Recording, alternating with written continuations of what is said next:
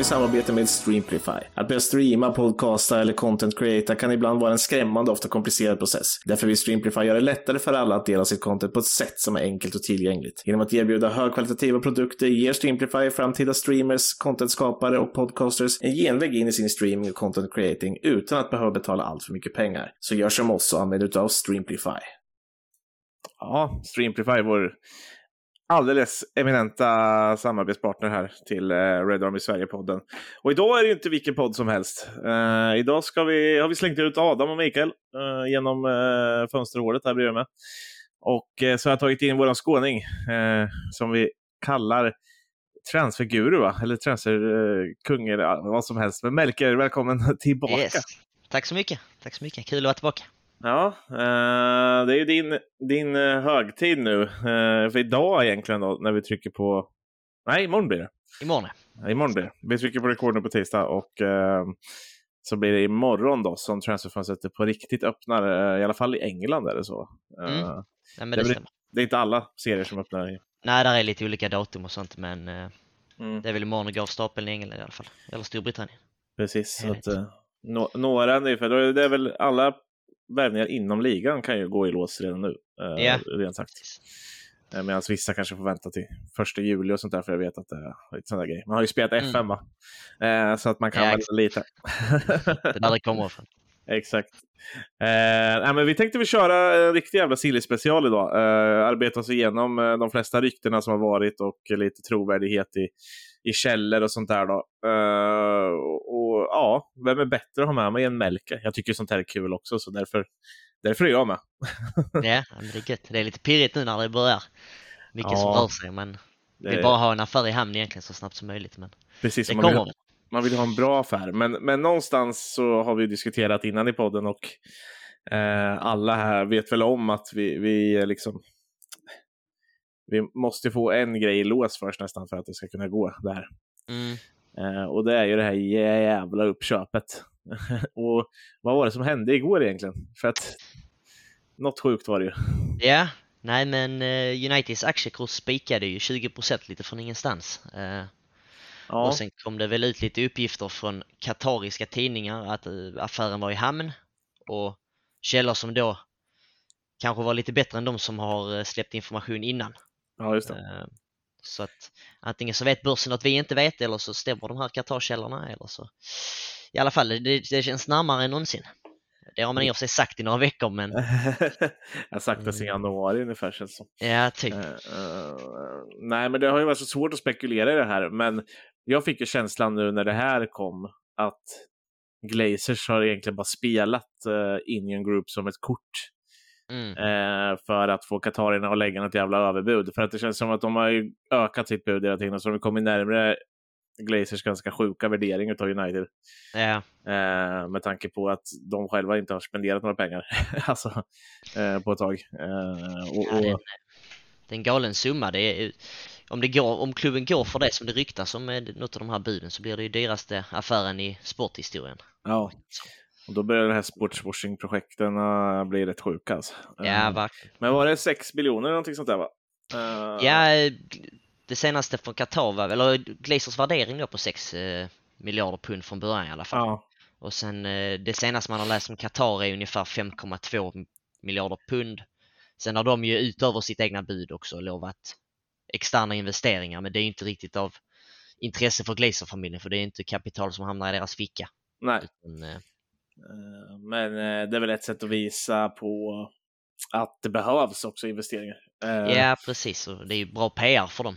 Ja. De får ju lite fans på sin sida, liksom att ja, vi, vi är beredda att stå redo med kapital och investera i ja. allt vad, i, vad heter anläggningar och sånt. Precis, och, och ska man se ett rent sportsligt för United sett så är det ju såklart väldigt mycket bättre att få in katarierna. Så är det ju verkligen. Uh, uh, man... Det kommer ju ge oss en extremt mycket bättre chans att tampas med typ Manchester City.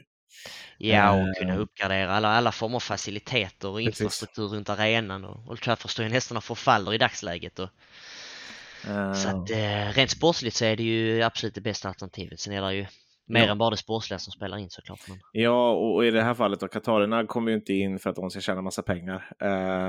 de kommer ju alltså som i de andra klubbarna, Newcastle, City, mm. PSG, de är ju där för att de gillar fotboll och vill vinna. Eh, alltså olika delar. Till skillnad från typ Glazers, de är ju med här, kanske jag ska inte säga att de inte tycker om United, men de agerar ju inte som att de tycker asbra om United. Uh...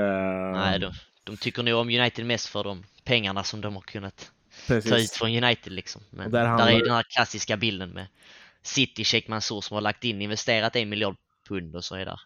Ja. Motsatsen då Glazers som har tagit ut en miljon pund om man tänker rent skuldmässigt typ.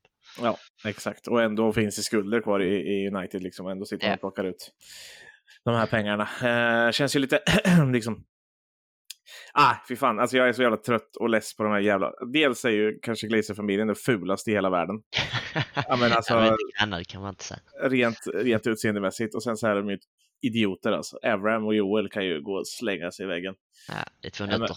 Det var ju typ två veckor sedan stod väl uh, Avram och... Uh, vet du Posa med en jävla Liverpool-fan också. Ja, precis. Alltså, det, du har ju ingen känsla whatsoever. Alltså, det är helt sjukt. Nej, det är...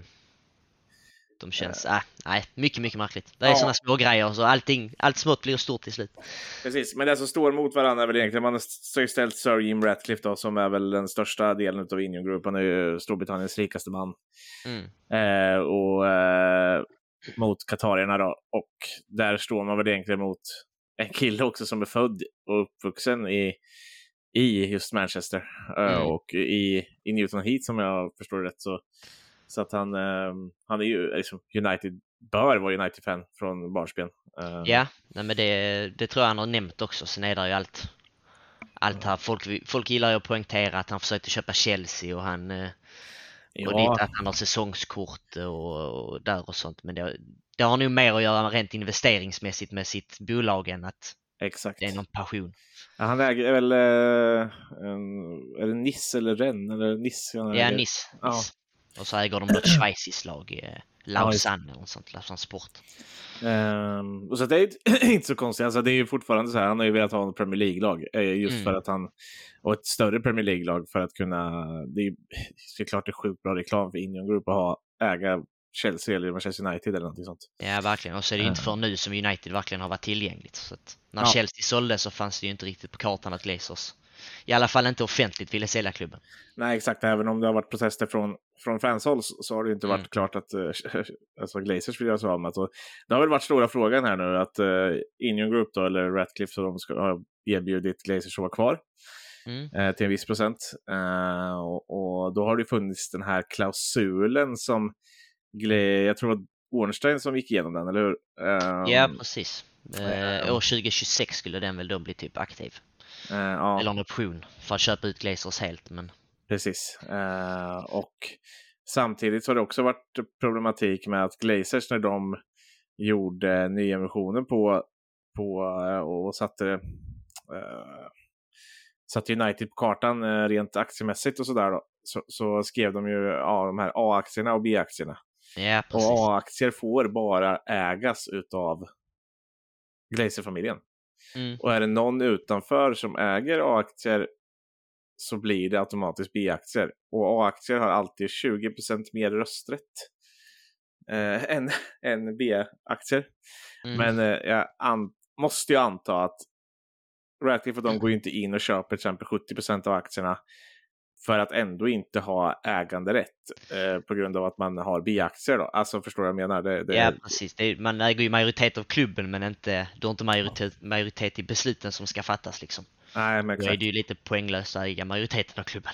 Ja, du kan och, fatta de besluten som behövs. Och då lär ju det ha förhandlats bort på något sätt. Skulle jag gissa på. Alltså det, det vore så extremt dumt eh, om, om det ja, om det, skulle, om det skulle hända att man tar dem och sen så får vi Ratcliffe som ägare av klubben. Men så ska vi ändå ha Joel och Abrams som bestämmer över den här. Fy fan. Ja, precis. Och så ska man vänta till 2026 innan det möjligtvis blir så att Ratcliffe får ta över. Och det är ju ja. ett par säsonger dit också.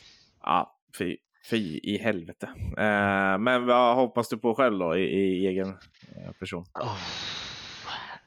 Ja, den har man ju funderat mycket över. Ja. Jag skrev väl någon krönika där i, i vintras ungefär när det kom upp att det, det, det är för och nackdelar med båda, båda sidorna. Mm. Först och främst så är det ju, man vill ju se United vinna och den sportsliga sidan och allt som behövs rustas upp runt omkring så tycker man ju Qatar är det överlägset bästa alternativet. Sen är det ju såklart det moraliska och det etiska runt det. Det är, det är kanske lite sportswashing. Det är ett land som kanske inte har helt eh, rätt mäns- syn på mänskliga rättigheter. Nej men precis. Eh, och någonstans så någonstans hade man egentligen velat ha en ägare som Qatar i vad de lovar och planerar rent sportsmässigt. Ja, men rent sportsmässigt så blir det ju lite halvt doping. Alltså så är det ju att ha ja. en sån ägare. Men precis, en, en, ägare som verkligen lovar att, att investera, inte bara, och då menar man inte bara på spelarmarknaden, utan allting runt omkring, infrastruktur, arena och mm. anläggningar och hela den biten. Uh, men någonstans så är det ju för en klubb som Manchester United som är värderad så mycket så är det nästan omöjligt att få med en amerikansk ägare eller en europeisk ägare. Ja. Uh, och då är ju Qatar det enda valet. Sen, eh, Ja, ja framförallt när vi har en sån riktig jävla rövägare som vi har, som, som dels eh, över... På ett sätt kan man väl säga att de inte över... Eh, övertrasserar, tänkte jag säga, men eh, övervärderar United för att de får ju uppenbarligen betalt så som de vill ha. Så att, eh, då finns det ju ändå någon som vill köpa och då är det ju värt så mycket. Eh, mm. det, och det är ju, kan man ju säga vad man vill om, men eh, när de finns där så är det ju svårt som du säger att få en, en bra ägare eh, om man ska se till det här med till exempel de mänskliga rättigheter och sådana saker. Det är ju mm. bara säkert saudierna och katarerna, liksom de Bahrain och allting sånt. Alltså de riktigt rika personerna som kommer därifrån som har råd. Ja men exakt, och har råd att både köpa klubben och sen ut på det investera. Ja. Det är det man är lite rädd med till exempel en sån som Ratcliffe att han dränerar hela sin Ineos eh, budget på att köpa klubben och sen är det liksom ingenting kvar till täcka skulder eller bygga nytt eller renovera och sånt och det, det är ju en ja. risk såklart. Men... Exakt. Uh, men uh, ja, och sen får man väl ändå säga att det mest troliga nu verkar ju ändå som, alltså de här, det som kom igår, det som hände igår, jag tror inte det hände på marknaden bara för att någon har, vet ju någonting. Uh, ja, det är svårt att, att en klubb som har liksom ett börsvärde över typ 3 miljarder pund, att det ska ske så stora rörelser mm. bara på att en katarisk tidning lägger ut något. Exakt. Så något är det väl bakom kulisserna kanske förmodligen som inte vi vet om. Men... Ja, man skulle haft någon aktie innan eh, igår. Ja, skulle man. 20 procent, fan sjukt. Ja, det är ett rejält studs. Ja, det är rätt bra. Eh, men vi får väl se lite var vi landar där då. Och det här kommer såklart påverka lite hur man tänker och lite hur vi snackar. Och det vi kommer säkert eh, vid ett senare sillavsnitt när vi vet exakt vem som blir vår ägare till nästa säsong. Ha andra tankar kring spelare in och spelare ut. Mm. Så sätt. För att ja, med Katarerna till exempel så kommer det kunna gå att göra lite mer på, på marknaden än vad vi kommer kunna göra annars. Uh, och vi har väl en tanke i alla fall hur vi ska lägga upp det här. Vi, vi gjorde egentligen det här, jag och Micke, vi gick igenom truppen lite så, men vi gjorde det inte på det här synsättet rent siljemässigt. Uh, och vi börjar väl bakifrån, tänker vi. Ja. Ta, ta, laget bakifrån och vandra framåt. Och då har vi ju en målvaktsposition. Uh, där vi idag eh, sitter, eller under den här säsongen som har varit så har vi suttit med fyra kontrakterade målvakter egentligen som man kanske kan räkna till A-laget. Eh, Dean Henderson, David de Gia, Jack Butlen, Tom Heaton och nu har jag valt att räkna bort eh, ungdomsmålvakterna. Mm. Eh, I sig bäst för att de inte är värda speciellt mycket pengar och eh, ja, även man har suttit, suttit på bänken. Liksom. Ja. Ehm, men där har vi ju Henderson har ett kontrakt till 2025 och har varit utlånad. Uh, Butland har ju lämnat nu, uh, kan mm. vi säga. Var det Rangers? Han, yes, stämmer. Mm. Lånet till slut och så gick han till Rangers från Palace. Ja, det är väl bra för honom kan jag tänka mig. Han, ja, det är nog en bra flytt. Det är ju en, det är en målvakt som kanske borde stå i alla fall i något lag. Ja, och den stora framtiden som han spåddes när han var yngre så Känns det konstigt att han inte har varit första målet de senaste åren faktiskt. Ja, han har ju inte i och för sig rosat marknaden asmycket i Championship. Han, Nej. Um, han gjorde väl missen att inte lämna Stoke när de åkte ur Premier League ja, precis. Där skulle han ju tagit steget till en Premier League-klubb. Ja, precis. Uh, och sen Tom Heaton då, som sitter på utgående kontrakt. Yes. Uh, och det gör ju David de Gia också. Uh, men vi kan väl börja, vi kan börja med Henderson. där har det ju funnits lite rykten och Eh, lite oklarheter i om United vill sälja eller inte. Eh, men vad har vi där Micke? Ja, nej men så är det. Det är ju det är verkligen ett beslut som United behöver fatta för att Henderson vill ju inte förmodligen sitta på bänken. Nej. Um, sen finns det kanske en ärlig chans att utmana de Gea nu för en gångs skull. Uh, mm. Men det är väl lite hur United och han känner själva. Men det har kommit lite uppgifter att Forest vill uh, Nottingham Forest då vill varva honom permanent nu när man säkrar kontraktet. Mm. Uh, Keylor Navas återvänder väl från sitt lån antar jag till Real Madrid. Ja, får man ju anta. Och eh, det ryktas väl om en summa runt 30 miljoner pund. Och om man tänker lite så vad man personligen tycker så är det ju en summa som jag tycker United verkligen ska acceptera. För att jag tror aldrig Henderson kan bli så pass bra att han blir första målvakt och varken når den nivån som till exempel Ederson eller Allison har. Nej. Och 30 miljoner pund är en rätt bra summa skulle jag vilja säga för, ja, för, för Henderson i sig och det är ju en perfekt eh, addering till transferbudgeten när United har ryktats behöva sälja för att köpa. Ja, vet vi lite hur det ligger till just på den punkten? Det har väl ryktats lite löst om 100 miljoner pund till 150 exklusive spelarförsäljningar då. Ja. Eh, och får man då in 30 där och då, ja, då höjs ju budgeten helt plötsligt med 20 till 25 procent liksom. Ja. Och det är kanske en summa som kan hjälpa till om man nu väljer att gå efter en ny målvakt. För i dagsläget så är ju anfallspositionen en prio eh, och sen en mittfältare. Och mm. Med tanke på vad spelare går för idag så säg att budgeten ligger på 120 kanske då. Ja, det är knappt en anfallare och en mittfältare liksom. Mm. Eh, så kan man få 30 för honom om uppgifterna stämmer eh, så tycker jag verkligen man ska ta det. Ja, och det känns väl som att på något sätt så är väl hans tid lite över. Han, han uh, valde ju redan förra säsongen att inte ens visa sig för Erik den Hag för han vill inte få den här lockelsen att bli kvar på bänken ett år till. Uh, ja, precis. Och lite som jag vet uh, Krekula, um, vår fina Micke, har sagt flera gånger att han är inte en as mycket bättre målvakt än David de Gia med fötter och sådär. Han är ju lite mer, pon, lite mer pondus i honom och lite sådana där saker. Så mm. Jag tror nog att det hade kunnat varit en uppgradering från de Gia rent sett så. Men eh, det är liksom ingen större skillnad på de här två målvakterna. Eh, på det sättet. Det är inte riktigt det som United söker i alla fall. Uh, I det fallet liksom. Uh, och jag tror inte det är Ten Hag söker i alla fall. Nej, precis. Han vill ha någon mer proaktiv med fötterna liksom. Och, och det är det också. Hade man hade det varit ett bud för 10 miljoner på Henderson, ja då kanske man inte hade släppt honom för då är det kanske värt att ha han som en liten uppgradering ett tag. Nu ja. får man 30 miljoner pund. Vad det ryktas om. Och då, eh, den lilla uppgraderingen gentemot de Gea är nog värd mindre än 30 miljoner pund om vi säger så.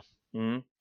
Eh, vi kan väl bara slänga in Tom Heaton, han sitter på ett kontrakt som går ut nu ju, 30 juni. Eh, de har en option på ett ytterligare år på honom. Mm. Eh, och jag tror det beror lite på vad som händer med till exempel Henderson och lite allt sånt där. Men jag skulle gissa på att de triggar det där extra året och så yeah. får han vara kvar som andra tredje målvakt. Eh, det är säkert en bra, bra tredje målvakt att ha lite personlighet i truppen som typ Scott Carson i City. Ja, exakt. Och lite så. Ja, och skulle man få så mycket skador så kan han ändå gå in och göra någon form av prestation. Mm. Uh, men uh, då kommer vi väl till, till, mannen som det har handlat mest om, David de Gia, uh, som har ett utgående kontrakt. det finns en option på ytterligare ett år. han är väl världens mest bäst betalda målvakt fortfarande. Uh, det bör han vara, ja. Eh, det sitter på någon helt sjuk lön. Det roliga är att jag var inne och kollade lite vad de hade för agenter och sådär. Han sitter fortfarande med någon, någon, eh, jag vet inte om det är hans farsa eller vad det är, men någon av mm. Relatives har han som agent. Det är rätt sjukt, de lyckas förhandla till det här kontraktet. Eh, ja. Det är inte, det är inte, oh, vad heter han, portugisen? Jorge Mendes eller ja, Jorge precis. Mendes. Jorge Mendes. Jorge Mendes. Det känns ju som att han kan få alla att få betalt. Ja. Eh, han kunde få mig att få betalt i någon jävla pissliga någonstans. på rätt sätt. Nej, men så. Men de Gia då. Det har ju det har ju ryktats om det här kontraktet, att de har förhandlat och att United vill att han ska skriva på ett nytt kontrakt, men ett sämre då, eller kontrakt som är mindre betalt och mm. kanske bara på något år eller två, vad jag förstått det som. Ja, ja men man har, har väl ett, man har väl en muntlig överenskommelse och sen har väl kanske inte, jag antar att det, ja, United letar väl på marknaden efter lite nya alternativ och så känner man att ja, det sker fortfarande med på ett nytt kontrakt så vi kan vänta ut det till det är 30 juni det går ut. Så ja. att man, har, man vet att man har två, två veckor på sig kanske att kunna få en bredare överblick över marknaden. Och, men jag tror ju, det känns väldigt säkert att han förlänger på en sänkt lön och så något år. Eh, ja. Främst kanske då för att United inte riktigt har pengar att lägga på en toppklassig målvakt i sommar. Nej, och det där är väl lite också, kan jag tänka mig, att man kanske har väntat på att just med ägarskapet och då kommer vi in på det nästan direkt i det här. Mm. Att eh, kommer Katarerna in, ja men då kanske vi har råd eh, om vi säljer Henderson och eh, ja men då kanske vi kan spendera på en ny målvakt. Alltså en, och, och där har det väl pratats om några namn, eh, vad jag förstår det som. Ja, där är väl ett par som United ses hålla koll på. Eh, mm. Främst kanske Diogo Costa från Porto då. Mm. Eh, det ryktades ju redan förra sommaren och lite i vintras också till och med. Mm. Han är det stora, stora nya namnet på målvaktsscenen. Alltså, ja, väldigt att... ung och spörs en stark framtid liksom. Sen är ja. han ju väldigt dyr som konsekvens. Exakt. Eh, vad har han? Han hade väl någon utköpsklausul på typ? Ja, den ligger väl runt 70 till 80 miljoner pund eller eh, mm. euro. Det är mm. det i och med Portugal. Eh, men eh, ja, det känns som att man avvaktar där också för att där smäller man ju en väldigt stor del av budgeten. Om man hade gått efter hand liksom. Ja, och, och då, då, då, finns det ju andra i all ära, det, det, är lite det man har sagt, jag vet inte hur många gånger man har sagt det nu, men det är, de Gia är inte ett sånt extremt problem, känner man spontant, eh, så att man måste smälla budgeten på en målvakt. Nej, att det, det uh, finns ju mer akuta positioner att förstärka liksom. Precis, men snart måste man nästan eh, se bort från det också. Ja, en känsla mm. av. Alltså för att ja. vi behöver ju uppdatera oss på den sidan liksom. Ja, man måste ju komma till en tidpunkt där det verkligen, ja, nu är det dags. Nu måste vi spetsa till även där nere, längst ner på planen. Mm. Så att, eh, Eh, och jag såg ju, eh, jag vet att det, det har ändå stått lite om, om uh, Onana. jag har inte sett exakt vilka som har skrivit eller så, men mm. eh, fy fan, det hade varit en målvakt som hade passat perfekt egentligen rent spelmässigt. Ja, var ju verkligen Champions League-finalen var ju verkligen det stärkte ju verkligen hans aktier kan jag tänka mig. Ja, eh, spelet, just spelet med fötterna, även att han är lite, kanske inte det längsta laget så är ändå pondus i luften. Eh, mm. och, ja, men framför allt hans... Han fick ju Citys press att backa för att han var så säker på vad han gjorde. Eh, ja, exakt. Då, då, blir man ju en spelare extra i uppspelsfasen. Liksom. Det är ju ja. just den biten som United kanske saknar som mest. Exakt. Eh, och det hade ju varit helt underbart. Men eh, ja, det, det, är lite svårt att spekulera just nu i, i de Gia, men jag tror ju lite som du också att han det kommer nog landa i att han skriver på um, något kontrakt som inte är för långt. Uh, de lär inte få ett nytt femårskontrakt liksom. Uh, men, men med en betydligt lägre lön då, ändå. För att, trots det, det jobbiga lite här då är väl att han på något sätt ändå kan, kan prata om sina 17 nollor som han drog in mm. under säsongen. vilket är lite jobbigt. För det, det kan ju ändå eh, hålla upp i lönen rätt mycket.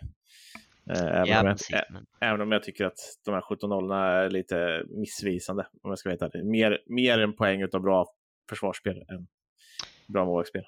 Ja, precis. Det är, vad ska man säga, förvärvet av Casemiro och Martinez nu hjälpt minst, minst lika mycket. Eh, ja, eh, om inte mer. Yeah. Tillsammans med Rafa Varan till exempel.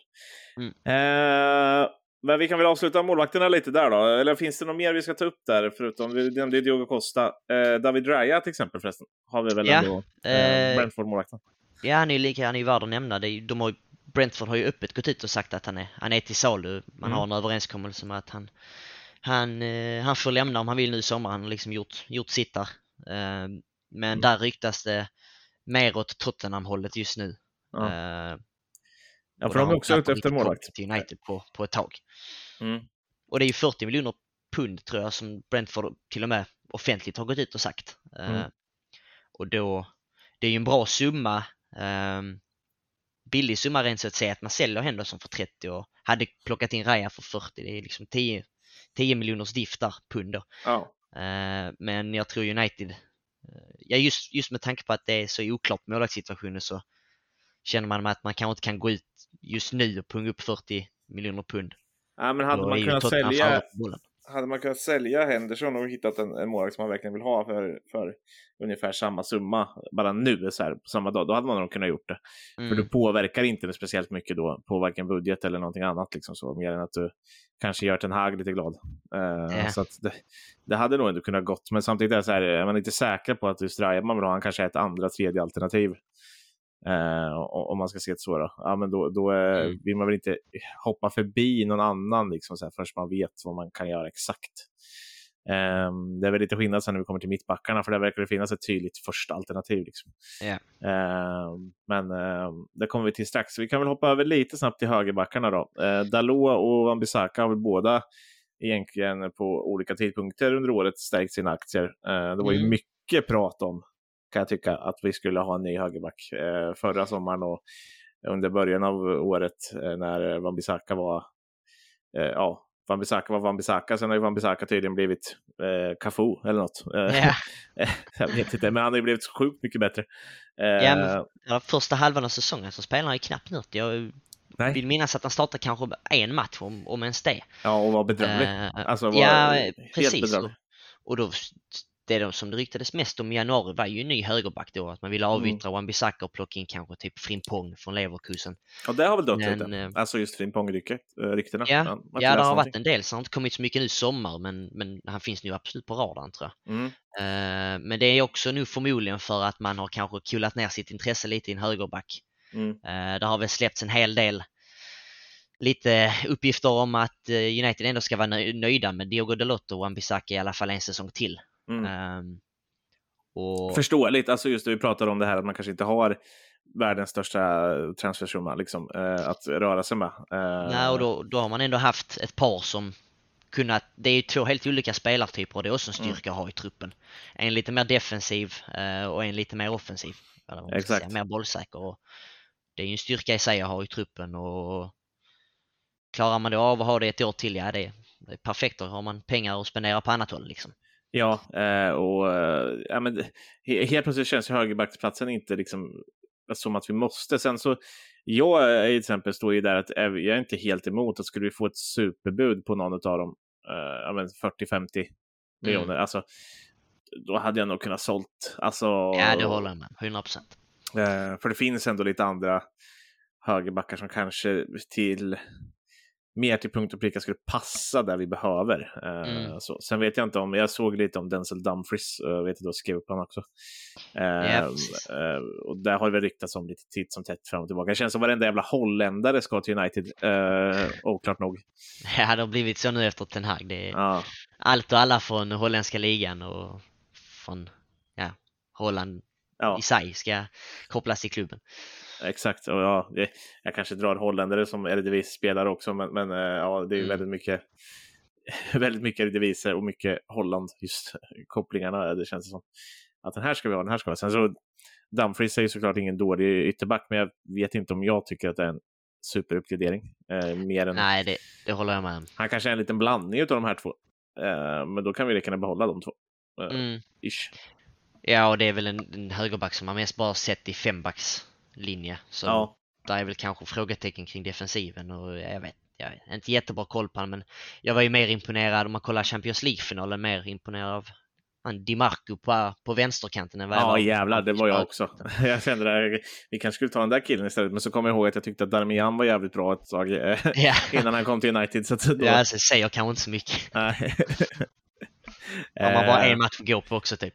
Ja, men jag har också, eh, det har jag för sig tyckt innan, jag har inte sagt det någon gång, men om man kommer till mittfältsplatsen sen, att just typ eh, Nicolo Barella hade ju varit en jävla...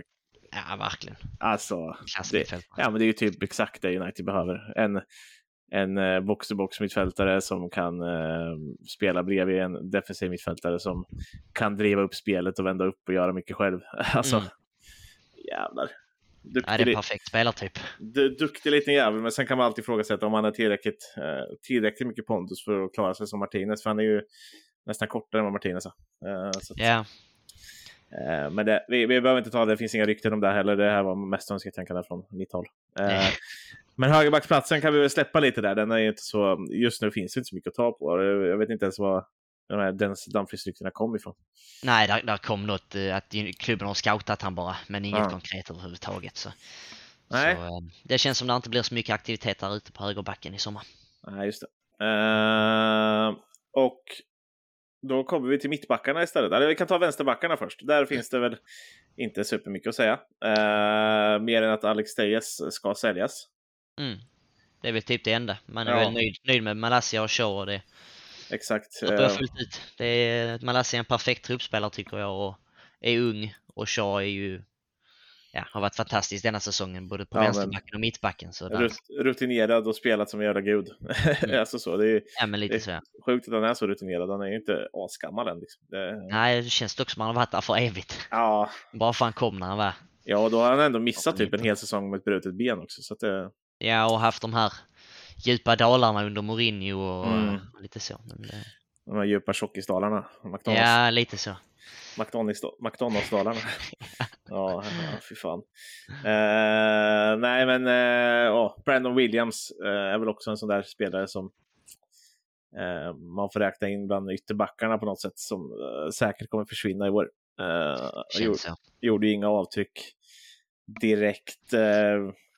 Phil, ja, just det, Phil kommer ju till mittbackar.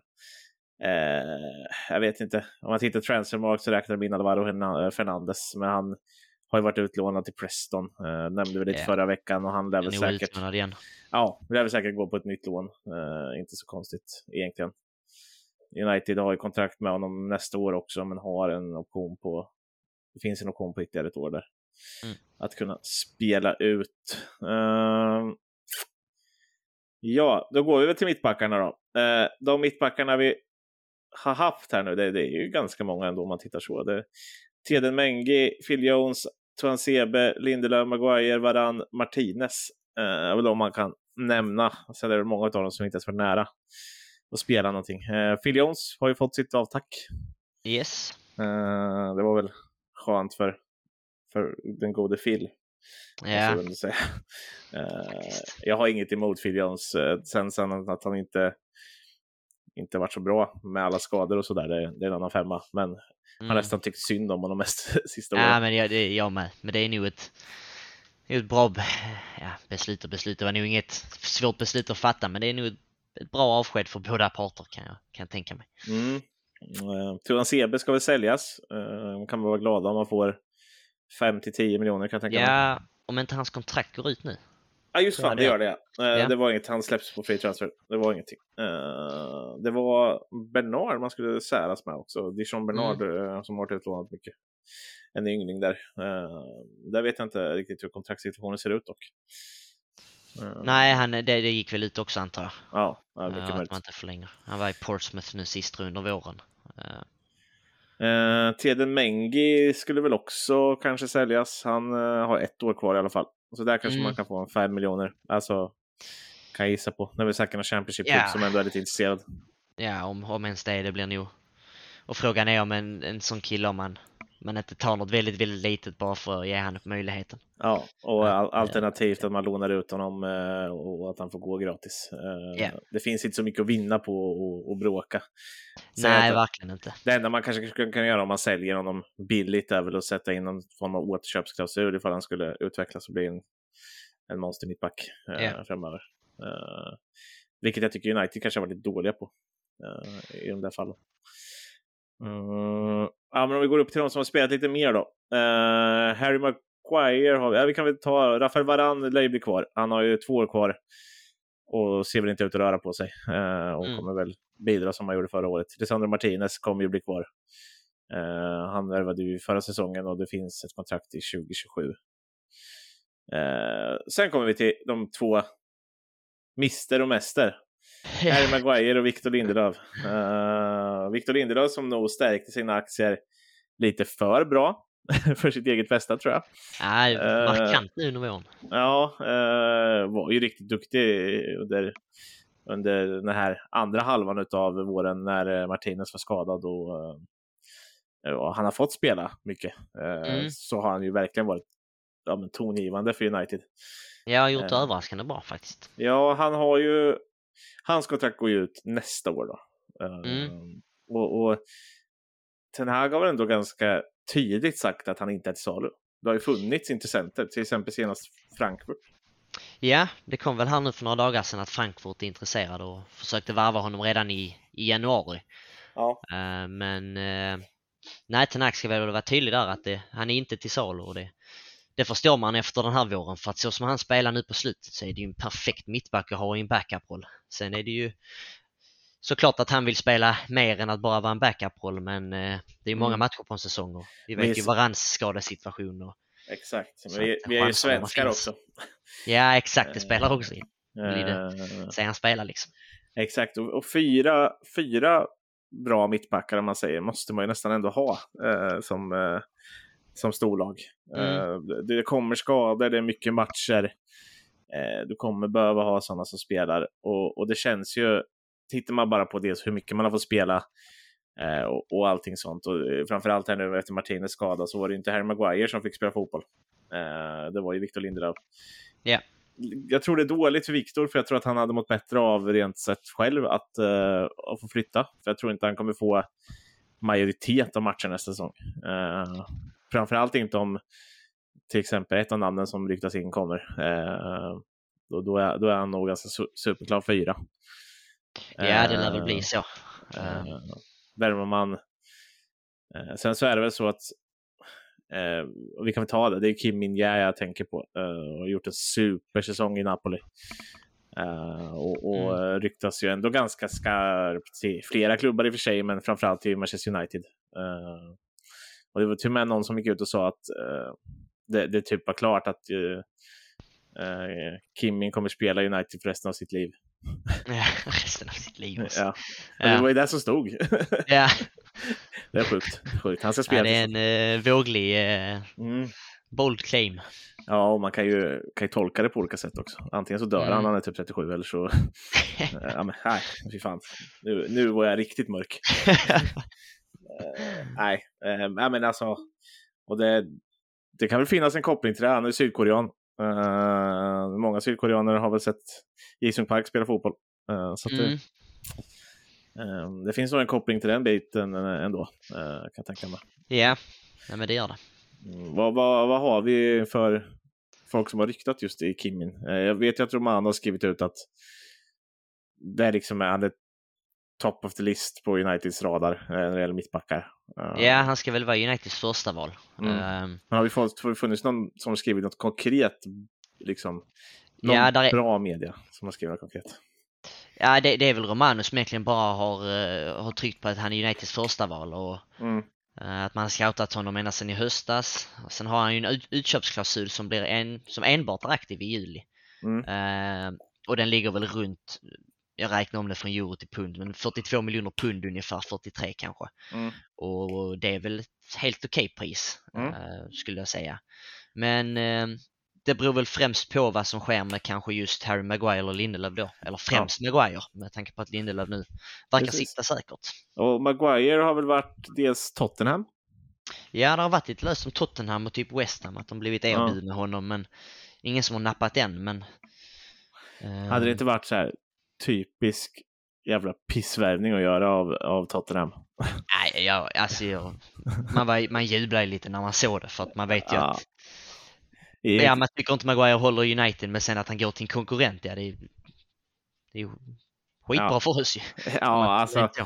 Sen så är det ju så här, alltså, jo, om Tottenham vill, vill stå tillbaka och spela ett, uh, en försvarsfotboll i eget straffområde, då, då, då kan man ha nytta av Harry Maguire. Jag har Absolut. sagt det, jag tror att skulle han gå till exempel oh, om någon av de här lägre lagen skulle kunna hitta pengar för det, säg Bournemouth eller någonting sånt där. Uh, ja, då tror jag han hade varit klass rakt igen. Ja, för att, I den, det typen av spel. Ja, för att han förlorar inte många nickdueller och, och, är bra i det spelet. Liksom. Uh, där han inte behöver springa så mycket hemåt. alltså, utan han kan jobba framåt hela tiden uh, från en lite ja, lägre utgångsposition.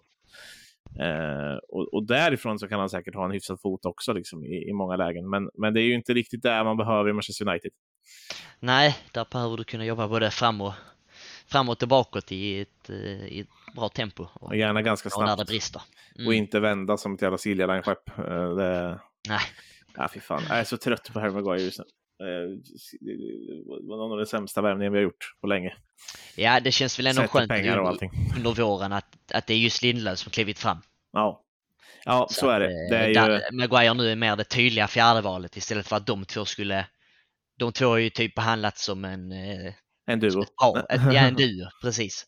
Vilket är så synd om Viktor. Jag tycker så synd om Viktor för att det, jag tycker det här visar någonstans att det kanske är mycket att han har spelat just med Maguire och, och vissa andra spelare kanske inte varit på topp, så har han liksom dragits ner i det. För han är ju inte en, Lindelöf är inte en ledare på det sättet. Han kliver inte fram framför.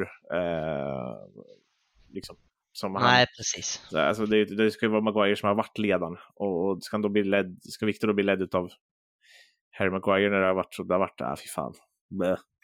Ja, det... Då såg det nästan ut som att det var dum-dumma Jones och Smalling typ. det, det är sjukt ändå att Jones och Smalling Jones och Småling trodde man så jävla mycket på. De var ändå vann, med och vann Premier League eh, och, ja, och ja. var ju så spåddes, var ju riktigt bra. Ja, och jag tror de hade varit riktigt, riktigt bra om fotbollen hade fortsatt på samma sätt liksom. Mm. Sen blev det väl den här rätt snabba utvecklingen. Ja, exakt. Man skulle vara teknisk då, även som mittback. Ja, och då, då passar det inte riktigt längre. Nej, eh, nej, du måste ju ha vissa detaljer då som typ Rafael Varan har i, eh, i det att kunna läsa spel och snabbhet och så för att uh, du ska kunna, mm. eh, kunna vara en, spel, en mittback och sånt, eller en spelare defensivt som inte har jättebra teknik. Eh, sen så, uh, Varan har ju varit uppe på några räder på högerkanten några gånger. Han gör ju nästan alltid bort sin, sin ytterback. Han yeah. Det var ju någon gång när de sa att han Varann fick ett läge att finta bort högerbacken och gjorde det direkt. Antingen hade 17 och gjorde det aldrig. ja, men lite så. Ja. Eh, har vi något mer rykte in där, eh, mittbackplatsen? Ja, där är väl eh, någon som har nämnts också bara, Axel Disasi som då ska ligga eh, Monaco mittback. Mm. Eh, som ska ligga, eh, ja, antingen bakom King Min Jae på, på önskelistan eller ett par steg bakom. Eh, men ett alternativ i alla fall som United har scoutat men eh, finns inget konkret mer just nu. Franska medier hävdar ju att det, det är nära, precis som italienska medier hävdar att Kim, Kim Min Jae mycket nära. Ja. Men, eh, men ingen bra man... källa så som, som man kan lita? Nej, det är väl mer lite clickbait och sen så mm. får man ju det dementerat av Ja, i detta fallet var det Fabrizio Romano som sa att ja, där är ingen överenskommelse mellan United och Monaco så att eh, mm. det är väl bara ett alternativ på listan liksom men, men inte mer än så. Nej, nej men det köper jag. Uh, Disasi kanske inte så många där ute har koll på. Eh, de som har spelat Fifa vet nog vem det är. Han yeah. och spelat Ultimate Team för man är man fan en av de mest packade spelarna på det spelet tror jag. Ja, eh, han var... Eh, hans vanliga kort är sjukt dåligt, men eller dåligt, men ja. Det är välpackat i alla fall, så då har man nog säkert mm. sett honom i alla fall. Men jag tror inte man har sett honom spela på riktigt och det ska inte jag säga att jag har gjort heller, så jag kan inte säga så mycket om honom. Nej, det enda, jag, det enda man vet lite det var att han spåddes bli riktigt bra för några år sedan. Nu har han väl kommit några, jag tror han är 25 kanske. Mm. Eh, men eh, för ett par år sedan att han såg en ljus framtid precis som många mittbackar alltid gör i Monaco. Sen Just det. växer man väl aldrig ut till det riktigt. Nej, eh, och så är det ju. vi kan väl säga där på Maguire så har vi aldrig, han har ju faktiskt två år kvar på kontraktet. Vad, mm. kan man tänka sig man kan få för Maguire? Alltså, vad, vad, ska vi vara glada för? Vad ska vi vara okej okay med? Och vad kan vi bara ta ifall vi väl måste sälja? Liksom? Uh, ja, jag har tänkt en del på detta, men 35-40 tror jag skulle vara möjligt och det ska man nog vara nöjda för. Ja. Får man nästan tillbaka en hälften av summan som man betalar för honom och det skulle jag ändå säga är bra efter alla dessa år. Ja, och... Alla dessa år, dessa säsonger som Precis. Vi... Utan att rosa uh, marknad. Ja, men där någonstans sen kanske 30-35 är kanske rimligt, speciellt om det är typ en West Ham som kommer efterhand då. Mm. Som inte sitter på en sån här gigabudget och, eh, och spendera men eh, mellan 30 och 40 kanske. Mm. Absolut lägst 25 men det är också en rätt låg summa tycker för att som du sa innan, jag tror i rätt lag kan han göra mycket nytta och det vet nog United om också. Exakt. Så att man är nog inte villiga att bara släppa han hur billigt som helst. Nej, och eh, West Ham till exempel sitter ju inte i en mittbacksituation som är överdrivet bra. Så att mm. eh, där hade han nog kunnat gått in och, och kunnat få en, en rätt mer betydande roll. Eh, de har ju ändå under Mois blivit lite mer att kunna sitta hem lite också. Eh, yeah. Även om man ibland vill verka som att de vill spela offensivt så, så har det väl i år i alla fall blivit så att de har suttit hem lite mer. Eh, och de sitter ju med typ en Maguire, en Maguire från Wish i, typ Craig Dawson. Så att det, då kan man tänka sig hur bra han är. ja, det, ja nej, han har nog, nog gjort nytta i en sån klubb tror jag. Ja, Eh, ingen jättemisär till Craig Dawson, men han är gammal och sett sina bästa dagar. Eh, Bell är inte vår Premier League-spelare längre. Eh, ja, vi flyttar bort från eh, backlinjen då och tar oss upp mm. ett steg i banan. Eh, jag vet inte riktigt vilka vi ska räkna med från Uniteds håll. Tittar man på Transfermarkt så är det Scott McTominay och Casemiro som står inskrivna som defensiva mittfältare. Mm. Eh, och, och det kan vi väl ta som då. Casemiro lär ju vara kvar. Han har eh, kontrakt till 2026 eh, och det lär väl vara där han. Han lär väl sitta där till 2026 yeah. och det är vi nöjda med.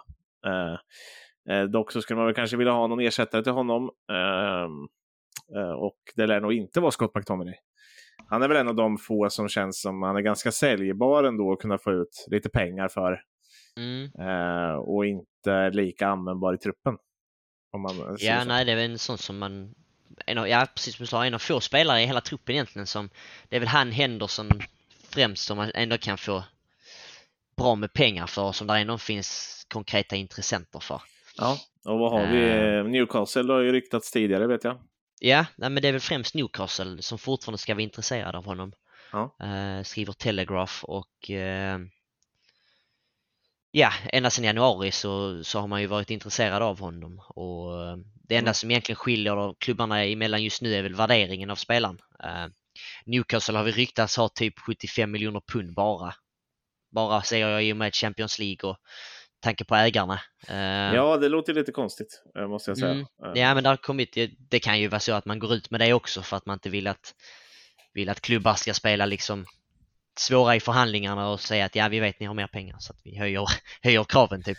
Jag tror det är svårt att komma undan för att jag tror att de måste också börja, när du sitter med typ saudierna så kan du som Newcastle sitta och bara, ja men vi har inga pengar. Ja, men det är klart fan ni har pengar, punga upp ja men alltså, Ja, eh, det kanske ett billigt försök då bara. Ja, men det känns lite som det. Det känns som en riktigt ja. jävla... Ja, sen så det så här, eh, det är dumt att inte försöka om man är Newcastle, för rent ryktesmässigt så är de ju inte United som alltid har spenderat mycket pengar. Liksom. Nej, och nu har man ändå tagit sig till Champions League, så nu kommer man ju förmodligen behöva rekrytera rätt så rätt så bra om man ska kunna liksom stanna där uppe. Ja, Jacob Murphy till all ära, men, men, eh, men, men jag tror inte att det är en spelare som, som tar dem aslångt till Champions League. Eh, Nej, så de, känns inte som det. De, kom, de kommer behöva förbättra sig på rätt många positioner. Eh, framförallt så sitter de väl typ samma samma båt, om inte värre än United just breddmässigt. Uh, även om de har ett par toppspelare. Uh, men de här toppspelarna har ju aldrig riktigt visat sig på den högsta nivån heller. Till skillnad från till exempel ja, United sitter ju med en toppspelare, Jadon Sancho, som man funderar på, ska han vara kvar eller inte? Men han har ju levererat i Champions League. Mm. Eh, Bruno Gimares, Alexander Isak och de här i all ära, men de har ju aldrig varit på den, eh, liksom, den scenen på det sättet. Nej, och nu blir det ju dessutom kanske 10 matcher mer på, på en säsong, eller 12. Ja. Beroende på hur långt man går i både kupper och Champions League. Liksom. Så att, Eh, men det är inte så att de inte sitter med ägarna för att kunna värva tillräckligt bra. Eh, och de, hade, de gjorde ju faktiskt bra första säsongen. Jag tycker de gjorde superfönster med typ Sven Bottman och de här spelarna som de tog in. Ja, eh, verkligen. Och det, men där är också ett bevis att man behöver inte spendera hur mycket som helst för att ändå kunna varva rätt liksom. Nej, exakt. Det är många av de där lagen ändå liksom bevis på i typ Brighton och Newcastle. Att man, mm. kan, man kan lägga lite mindre men hitta rätt spelare. Som det här idioten som dök fram i, i idiot säger jag, men en CISO eller vad han heter som Brighton har fått fram. Ja, precis. Alltså, vad fan kom eh, han kom in andra, andra delen av säsongen och bara ah, från ingenstans slår in några tre, fyra långskott och så. Ja, men det har ju varit hur bra som helst. Vad är han från? Paraguay eller någonting? Liksom. Aldrig hört talas om. Ja, det är Venezuela eller Ja, det är kanske ja. Paraguay. Jag tänker kanske på han bakom. Det är någon Buonanotte som också är väldigt ung som kommer Ja, han kan det. Känns som de bara... Det kanske är han som är från Paraguay. Ja, jag vet inte. talanger på löpande band liksom. Ja, Eh, nej, sjukt. Eh, man blir lite irriterad. Eh, det blir man. Men eh, ja, vi har ju också bra ynglingar som kommer, men, men inte på det sättet. Nej, det är... Eh, sen är det väl lättare som, att värva de här lite mindre namn än när man är Brighton. Eh, du har inte samma tryck på dig att lyckas hela tiden. Så du kan ja, ge chansen. United ska ju lyckas. Eh, så du kan ju inte ge fyra nya spelare som aldrig någon har hört talas om chansen. Liksom. Eh, men Scott McTominay är ute då. Vad har vi möjligtvis in? Moises Caicedo har det ju ryktats om. Ja, det är väl främst han i nuläget. Mm. Det ryktas väl lite mer på positionen framför just nu men ja. eh, enligt Sky Sports så ska United i alla fall ha bett om att få vara informerad om något skulle förändras kring mm. Caicedos framtid. Typ om där kommer ett bud eller om man ingår förhandlingar med en annan klubb. Eh, och så här. Och det är väl kanske lite dels för att man man inte vet om vi kommer tillbaka till det med ägarsituationen. Man vet inte riktigt än hur det ser ut och man vet jag vet om att det kanske inte är en klubb som är direkt nära Caicedo nu, så man, man har möjligheten att vänta i alla fall ett par veckor, en månad kanske innan man verkligen undersöker den affären, om den, den är genomförbar. genomförbar ja. eh, och så. Men eh, det är ju ett namn som, ja det är rätt mycket pengar, det är väl upp mot 70 miljoner pund, 80 kanske, eh, om ja. inte mer. En jävla skillnad mot de där typ 30 30 svenska, miljoner svenska kronor som det pratades om typ först. Jag kommer inte ihåg. Det Det kanske ja, var mer, men eh, då när man kunde ha värvat honom. Mm, ja, precis. Innan han gick till Brighton. Lite typiskt United också, att missa ja. ut på sån och sen så blir han skitbra och så ja, ska man, man upp. Precis, då ska man köpa honom då istället. Men sen, mm. det är väl mm. lite storlagsgrejen också, att man, man har inte riktigt råd alltid chansa. Uh, ja, nej, och där finns inget som säger att Caicedo hade fått den utvecklingen i United. Som du sa innan i Brighton kan man ge en sån spelare chansen och United är det kanske inte lika lätt med tanke på kraven på prestation som det är. Exakt. Eh, även om du gör två bra matcher, gör du en pissmatch så kanske du sitter på bänken i, i sju, åtta matcher. Eh, ja, men precis. Så kan det vara. Eh, vi får väl ändå nämna Declan Rice som har nämnts eh, ganska hårt. Eh, och mm. Det är kanske framförallt tillsammans med Mason Mount som, som du, jag tror det är där du pratar om när du pratar om sitt, platserna framför eller bredvid. Ja, precis. Eh, de två är ju barndomskompisar och eh, det har väl alltid pratats om att de ska spela i samma lag. Mest var det väl Rice till Chelsea som var på tapeten. Yeah. Men eh, Chelsea plockade in Enzo Fernandes så jag tror inte de har pengarna att plocka in Rice nu också. Eh, på det sättet. De har spenderat så jävla mycket pengar. Mm. Eh, då nej, det är väl inte riktigt behov för det heller. Nej, men då måste det finnas något FFP-stopp på mm. Chelsea. Mm. Alltså de har ju spenderat 5 miljarder någonting förra året. Ja, det är galet. Men han hittar ju sådana jäkla kryphål, den amerikanen. Ja, Betalar varje affär över 7-8 år. Men, eh, ja, men det kan... går ju bara till du når en viss gräns också. Sen är det ju stopp där också. Ja, men jag tror att det kommer straffa Chelsea på, om de inte börjar vinna eh, titlar mm. och vinna saker så, så kommer det straffa dem hårt. För då får de inte in pengar tillräckligt på andra håll för att, för att kunna värva spelare varje år. Nej, precis. Det. Eh, sen har de ju mycket spelare att sälja. Eh, det ska ju säljas mycket Chelsea ska man säga. Och det är väl därför de eh, dels kan tänka sig att sälja Mount. Men Mount sitter på utgående kontrakt till 2024 om jag förstår det rätt. Mm, stämmer. Uh, och det är väl därför det är lite absurt det som de kräver för Ja, eh, vi kan väl bara nämna det då. Vi kan väl kasta in det allting. Eh, vi har ju Caicedo och Rice kan vi väl egentligen, det finns väl ingenting Nej. att säga där nu. Han verkar ju mest vara på det verkar nästan som att Arsenal är det enda alternativet just nu. Ja, de ska väl ha förberett något bud på typ 1,2 miljarder eller något Ja, sånt. och det, det, är pengar som jag inte hade velat se United lägga på Rice. För. Rice i alla ära, jag tycker han är en bra mittfältare men absolut inte för det priset. Nej. Då tar jag hellre Caicedo som dessutom är billigare och yngre. Ja, men dels det, men också att jag tycker att eh, om vi pratar defensiva mittfältare ska vi ha en som kan gå in som ersättare och kanske lära sig av Casemiro. Mm. Eh, inte Declan Rice, även om Declan Rice hade kunnat spela bredvid också och jag hade inte sagt, jag hade inte varit, vet, jag hade varit irriterad på att vi hade lagt de pengarna men jag hade inte sagt nej till att ha Declan Rice i laget, för att jag tror att han hade gjort oss bättre. Han kan spela både bredvid Casemiro och ersätta Casemiro. Så på det sättet hade det varit bra. Men, men ska vi förstöra vår budget på det? Nej, det ska vi inte. Uh, nej, det tycker jag inte. Nej, så där står man väl, eller mitt tyckande liksom, någonstans. Uh, men om vi flyttar fram då, framför där då, då har vi ju United-mässigt sett så har vi ju Christian Eriksen. Uh, Sabitzer finns väl fortfarande chans att värva. Men det finns väl inte mycket som tyder på att vi kommer ta in honom. Nej. Eh, jag har inte sett några rykten, inte ens snackats om honom eh, överhuvudtaget. Och han var ju skadad och har inte hunnit gjort något speciellt avtryck. Egentligen. Nej, det är väl bara de dubbla målen mot Sevilla. Bortsett från det så har det ju inte varit en dunder, ett dunderlån. Nej, och då har det ju mer varit som tia än som, uh, än som en uh, mittfältare bredvid Casemiro. Mm. Uh, vi har Fred som har ett utgående kontrakt nästa år. Han har väl ändå ryktats lite kring? Ja, det var väl något lite kring, kring Fulham. Ja. Men, och att han ville spela en större roll i laget. Men sen är det kanske ett stort krav för en spelare av Freds kvalitet också. För även om han kan göra nytta så är det ju lika, hög, lika låga dalar som det är höga toppar. Ja, jag. Eh, och där är väl jag så här, vi har pratat om det innan här i podden, men kan vi få 30 miljoner typ för Fred, som har ett år kvar på kontraktet, mm. han, är, han är 30 bast. Ja, det, det också, det tänker man ju inte att han är. Nej, eh, nej jag, jag har nog alltid tänkt att Fred fortfarande är lite yngre. Mm. Men det är han inte. Eh, och, och eh, jag tror inte han kommer bli bättre. Alltså så, det, det tror jag inte han blir. För hans, hans grej är ju att springa och det är, brukar ju tendera att vara det som försvinner ihop med ålder. Yeah. så att, ja, eller hans största grej att springa. Sen har han ju slagit några helt magnifika passningar. Jag är inte, jag är inte asmissnöjd om Fred är kvar. Jag är inte asmissnöjd om vi faktiskt kan uh, ta och vara lite duktiga på transfermarknaden en gång och inte vara så sentimentala och, och sälja en spelare som vi kan tjäna in lite pengar på. Uh, mm. Och Det här gäller nog framför allt om det skulle vara typ Indian Group och, uh, eller Glazer som är kvar. för att vi ska kunna höja vår budget lite. för det finns ändå spelare bakom som jag tycker skulle kunna göra ett jobb. alltså, där också. Även om vi saknar kanske just den typen av mittfältare.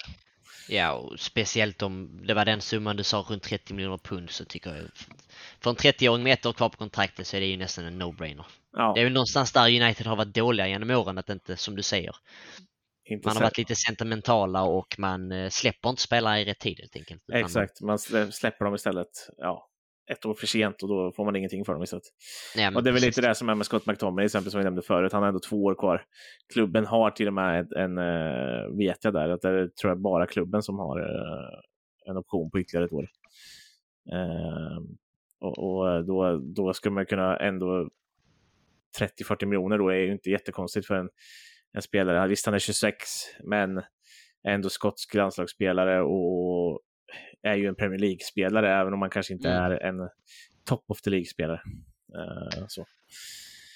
Uh, Donny van de Beek, uh, två år kvar.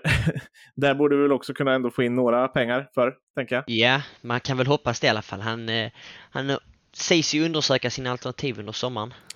Inte konstigt.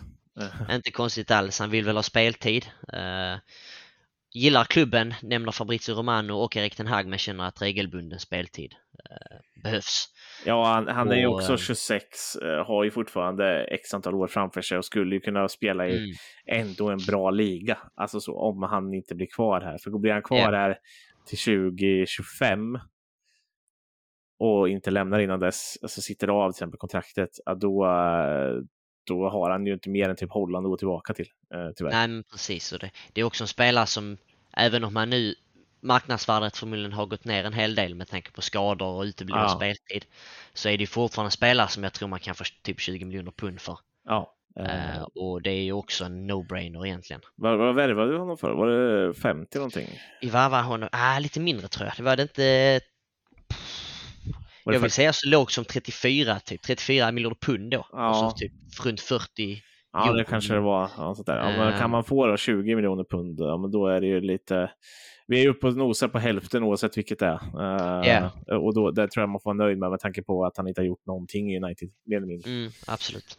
Uh, sen har vi lite, lite ynglingar där också. Zidane Iqbal uh, lär väl säkert försvinna på lån, kan jag tänka mig. Uh, jag tror inte United vill ha sig av med honom. Uh, men, men, men, ett lån likt uh, typ Amad Diallo och de här. och se yeah. om, man kan, om man kan göra någonting. Uh, det bara nyttigt. Precis, sen beror det på lite. Vi har Kubi Meino där också. Och där tror jag det beror lite på vad som händer runt omkring. Ifall Ten Hag vill ha honom kvar och han ska spela en roll i A-laget eller om man lånar ut honom. Uh, det är svårt att säga. Det var, Micke var inne lite på det här, han är ju vår ungdomsspecialist ändå. Eh, vissa av ungdomarna mår ju bättre av att vara kvar och träna med A-laget än att vara utlånade, men någonstans känns det väl jag tror i alla fall att det är bättre att de får eh, seniorfotboll i sig. Och, och Championship har ju ändå varit bra för många spelare. Diallo tog ju chansen, till exempel. Ja, och gör de det riktigt bra där, det är ju nästa steg Premier League. Så att, eh, Exakt. Det är väl en rätt eh, logisk eh, ja. göra eller nu till Championship. Ja, och just att det är en väldigt fysisk liga. Eh, om man pratar om att Premier League är den mest fysiska högsta ligan så är väl typ Championship en av de mest fysiska ligorna overall. Eh, mm. Eh, så. Det är helt sinnes där nere att spela så många matcher och ja, Nej, det var ju lite, det pratades ju om ett tag, och Ahmad bänkad i Sunderland. Ja, men så gick ju Sunderlands tränare ut och men det här är en kille som aldrig spelat mer än typ fyra matcher i rad. Yeah. och aldrig spelat seniorfotboll innan på det sättet. Liksom. Han har spelat en, en seniormatch då och då. Eh, och nu har han spelat liksom 15 i rad. så här, ja, då måste, mm. Han kommer behöva vila, så är det liksom. Eh, och, och, det är ju det som är viktigt för de här ynglingarna att lära sig. Eh, så det tror jag kan bli... Äh, det är väl svårt att säga mer. Bruno Fernandes, kontrakt 2026 kommer ju vara kvar. Vi har nog varken råd att göra oss av med honom eller vill göra oss av med honom. Nej, han känns rätt eh, bergsäker i truppen. Ja, eh, sen är han ju eh, absolut eh, 28 år eller fyller 29 nu. Eh, mm. Eh, och ja, alltså, så här är det väl med Bruno Fernandes, vi pratat om det, att ja, är han den spelaren som kommer ta oss aslångt eh, om ett par år eh, när vi ska vara som bäst? Ja, kanske. Eh, är han det inte? Nej, men han kommer kunna göra en bra roll i, i liksom laget oavsett. Mm. Det är en ja, av de absolut viktigaste spelarna vi har. Ja, och så som det är just nu så, ja precis, som sista meningen du sa där, jag tycker han är minst lika viktig som eh, Martinez, Casemiro Rashford liksom. Om han ja. inte är den absolut viktigaste i hela truppen. Både ja. spelmässigt och eh, Tillgänglighetsmässigt personlighetsmässigt. Också. Ja, ja, dels det. Bara det är en extrem styrka i sig i dagens fotboll att kunna vara tillgänglig och aldrig vara skadad. Ja, men alltså även om man kanske har blivit utbytt någon, ex, alltså, någon enstaka gång under alla de här, de här åren han varit nu. Mm. Eh, där han blir skadad kanske i 80 eller någonting sådär, kliver av, eh, säger vi. Ja, han är ju tillbaka ändå, oavsett om det ryktas om att ah, men Bruno Fernandes missar två veckor. Nej, han står ju där på plan. Ändå, yeah. alltså matchen efter. Tillbaka nästa vecka igen. Ja, det är helt sjukt alltså. Han blir ju inte skadad. Och det är ju så viktigt alltså, framförallt när han är en sån drivande spelare i, i, i Uniteds offensiv. Uh, mm. Det är ju han man, man bygger mycket på liksom. Och då, då blir han ju viktig. Uh, vad hade vi lite rykten in där då? Mason Mount sa vi ju. Ja, det är väl uh, absolut främst han. Uh, det har varit jävligt kraftiga rykten och där har det funnits ganska bra uh, tier-lista folk som har pratat om honom. Ja, väldigt bra källor som, som man har fått information från och det som vi sa innan, det, problemet ligger inte i det personliga kontraktet mellan, för att United och Mason Mount ska liksom redan vara på samma sida där om man säger så. Ja. Sen är det värderingen klubbarna emellan. Chelsea ryktas vilja ha, eh, enligt The Athletic och David Ornstein, eh, runt 70 miljoner pund plus ytterligare 10 i add-ons. Eh, det vill säga bonusar då. Mm. Eh, Medan United väl hoppas kunna finna en kompromiss runt 50 till 55 miljoner pund. Och för en spelare som har ett år kvar på kontraktet, kommer från en säsong som är mindre bra. Oh. Eh, sen är ju, har ju hela Chelsea underpresterat i sig så att man ska inte dra för stora växlar om en sån säsong. Uh, men alltså 70-80 miljoner pund från spelare som har ett år kvar på kontraktet. Det är ju fullständigt orimligt. Det är ju bara för att det handlar om en direkt konkurrent. Ja, det, det måste ju vara det. Men det är, alltså, jag, jag, kan inte se att United ens är så dumma och vi, vi, vi, får, ändå, vi får ändå gå in med att United eh, har ju tillsatt nya personer sedan förra året eh, i de här mm. positionerna mm. som förhandlar det här. Eh, det är inte Ed Woodward längre. Eh, liksom så. Och, och, och, det är inte exakt samma gamla United som förhandlar. Eh, så att vi, vi får väl ändå ge dem the benefit of the doubt, liksom att att de inte är så dumma.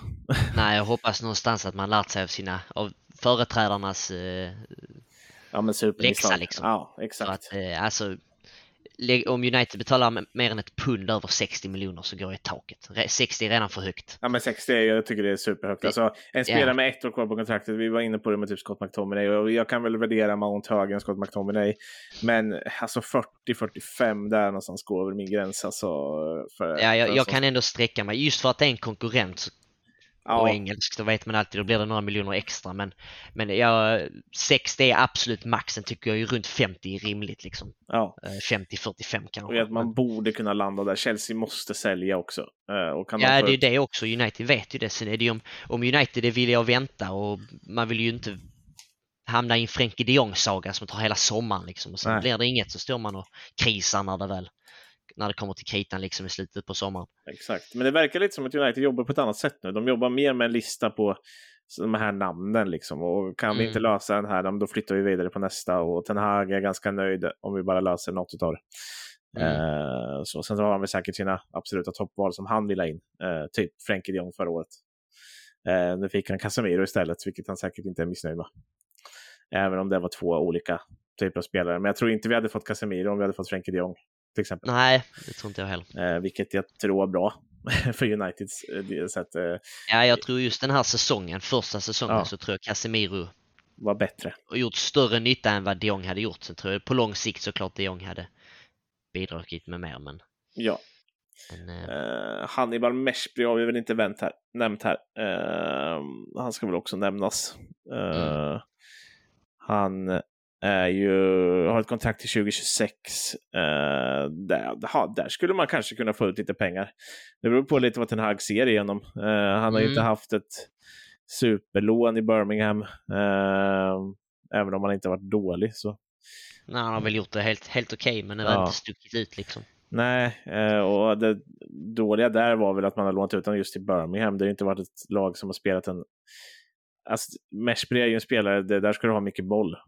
Mm. om han ska bra. Det är väl där, det är väl någonstans där som typ därför Ahmad har fått den utveckling som han har fått för man har lyckats pricka in en tränare ja. och en, eh, en klubb som vill spela proaktiv fotboll och ändå kunna nyttja lånespelare. Och Precis. Uh... Sådana grejer underlättar ju enormt och kommer till Birmingham där du mest bara ska riva och Exakt, spela ihop med... Dock var det kul att se uh, Fluffbrorsorna spela ihop, Tahi Chong och. Det är jävlar alltså vilka friller. Nej, det är galet. ja, det, det, den hade jag inte velat ha på huvudet. Men, uh, det Nej, det hade nog varit lite jobbigt. Coolt att se. Uh, men ja, det finns inte så mycket att säga om Hannibal. Det har inte funnits. Jag läste något enstaka rykte att det fanns några intresserade spel eller lag utanför. Mm. Typ något portugisiskt lag, något av de här större. Eh, skulle ja. vara intresserad av lite sånt där. Men... Misstänker väl att det blir i alla fall lån en säsong till. Ja. Eh, sen får man det därifrån. Exakt. Eh, vi flyttar upp på yttrarna.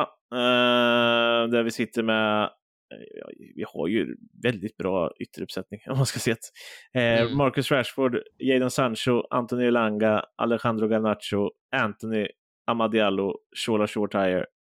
Eh, är med räknat här. Facundo Pelistri eh, och sen, eh, ja, vi kan ta Mason Greenwood sen. eh, men han börjar ju ändå, finns ju ändå lite att säga om honom, eh, så vi, mm. vi, kan ta det sist här. Eh, men vi kan börja uppifrån. Rashford, där har vi väl ändå lite att säga. Det, det förhandlas ju fortfarande om ett nytt kontrakt med honom. Han har ju bara ett år kvar eh, mm. på nuvarande. Så att där vet jag inte. Det, det, har ju stått lite om det. Men vad har du? Nej, men ja, det är väl främst att de har uh, diskuterat ett tag nu, men uh, det känns väl som att man kommer till en uh, överenskommelse inom kort. Jag kan tänka mig att Rashford har velat, både klubben och Rashford har velat avvakta inför denna säsongen i alla fall. Mm. Med tanke på att han var rätt svag under förra, under Ragnik där. Just det. så både från klubbens sida och Rashford så att man, man avvaktar lite men nu efter den här dundersäsongen så så tror jag man eh, båda klubbarna, eller eh, båda parterna, eh, kommer komma fram till något snart. Ja. Det ska väl eh. mycket till om han skulle lämna. Det är väl typ om han skulle lämna till PSG eller något, men... Ja, och framförallt nu när United ändå... Eh, United ändå är tillbaka i CL, det har börjat bli ljusare, han har gjort sin bästa säsong. Ja, och nu är han ju... Den här säsongen har ju verkligen varit the main man och bara en sån grej väger säkert tungt in för en spelare som Rashford att Ja. Nu är ju, håller United på, nu är vi på rätt håll igen. Uh, och jag är liksom en av de bästa så att nu... Ja, och han är ju ändå, någonstans måste det betyda lite att kunna vara United through and through i karriären. Alltså mm. i det här fallet, det är inte så att han spelar, han är inte, han ska inte vara Bournemouth through and through. Alltså... Nej. Uh, så liksom, utan här handlar det om United och, och är svårt att se att de inte löser det där, även om jag tror att det kommer bli snuskigt dyrt rent kontraktsmässigt. Eh, mm. Så kanske han är en av spelarna som är värd att ha det eh, på, just eftersom han är en egen talang och han är bara 25. det, det är också helt ja, sjukt. Det är en sån som också känns precis som Shaw att ja. han har varit här hur länge som helst. Exakt. Uh, Jadon Sancho, ja, lite rykten hit och dit. 23 år är han ju bara, uh, den gode Jadon. Värvades ju nyligen med något kontrakt till 2026. Finns någon option där på ytterligare ett år. Men eh, det har väl varit lite rykten. Eh, sista jag läste var ju till och med Tottenham. Ja, det var väl något litet därifrån. Dock en rätt dålig källa. Ja. Daily Star tror jag det var. Men Nej, jag tror ju faktiskt inte United är, är helt oävna om det kommer ett ett stort bud, men jag tror ju... Men då ska det ju vara typ nästan att man får tillbaka pengarna för det. Som ja, precis. Det, där stod något i, just som de här Daily Star skrev, att eh, runt 50 till 60 miljoner euro att United skulle vara öppna. Det känns ju otroligt osannolikt för att du ja. hittar ju, även om Sancho inte har kanske nått den potentialen och den nivån som man önskat eller, eller förväntat sig så har han ju inte varit så pass dålig att han tappat efter två år 40, nästan 50 procent av sitt marknadsvärde. Nej. Eh, och... och... det är som du sa, 23 år gammal. Exakt, det... han är bara 23. Jag tror ju fortfarande att den här kan få ut mycket av den mannen. Eh, men det beror ju mm. på lite. Eh, vi får ju se helt enkelt. Men jag, jag, är rätt säker på att han kommer vara kvar även nästa säsong. Och yeah. det är jag absolut inte missnöjd med. Eh, det finns mycket i den där kroppen. Men sen yeah. kommer vi till en spelare kanske som eh, troligtvis kommer lämna. Antoni Elanga vi blev väl av med vår andra svenska i laget. Ja, nej men det känns som det. Där stod något för några veckor sedan främst att United ska ha um, halverat sitt, uh, sitt pris på honom från 20 miljoner pund till 10, mm.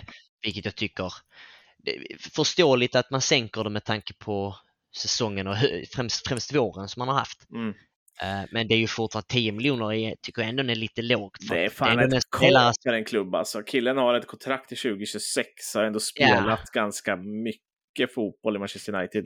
Det är ändå en, en kille som gjorde mål i en Champions League-åttondelsfinal på mot mm. Atletico Madrid borta, som gjorde en stark vår under Rangnick. Inledde ändå helt okej okay, vill jag säga i höstas med assisten till Sancho mot Liverpool. Ja. Men sen är det precis som efter VM att någon bara tryckt på en knapp och sen så har han inte fått en minut nästan. Nej, och där handlar det väl lite om till exempel Garnacho, att Pelistri också har eh, klivit fram och varit bättre. Mm.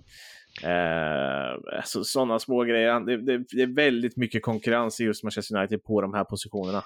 Ja, men sen är det ju det också. Elanga har ju lirat mycket nummer nio i ungdomsåren. Mm.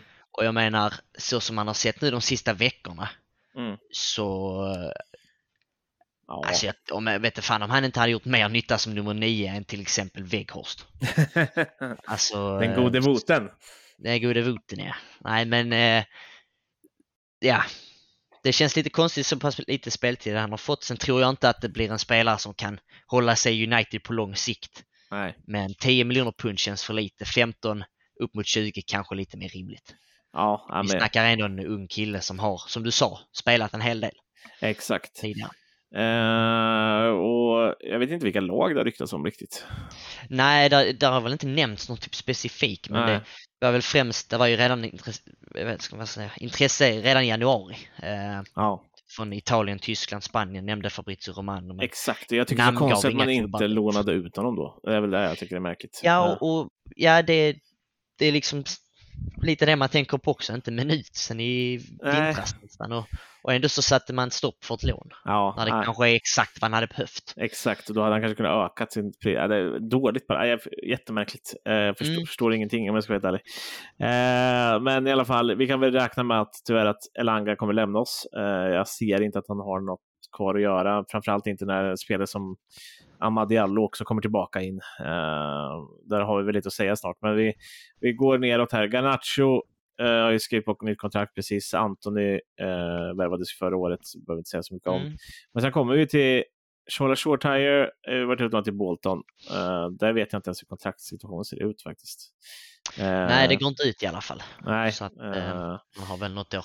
och han är ju 19 bast, har ju varit med i A-laget några gånger. Lär väl också gå ut mm. på ett nytt lån kan jag tänka mig. Kanske, kanske Championship den här gången eller någonting sånt där. Vi får se lite hur det ser ut. Mm. men sen i alla fall då, Ahmad. 2025 har han kontrakt till och finns option för ytterligare ett år. Uh, yeah. Han är 20 bass nu. Ändå gjort en succésäsong får man väl säga i Sunderland. Uh, varit deras näst till bästa spelare, måste man väl, vad jag har läst mig till i alla fall. Mm. Uh, och utslagsgivande till att de ens spelade kval upp till Premier League igen. Ja, verkligen. Uh, men däremot så finns det väl lite rykten runt omkring honom ut, eller?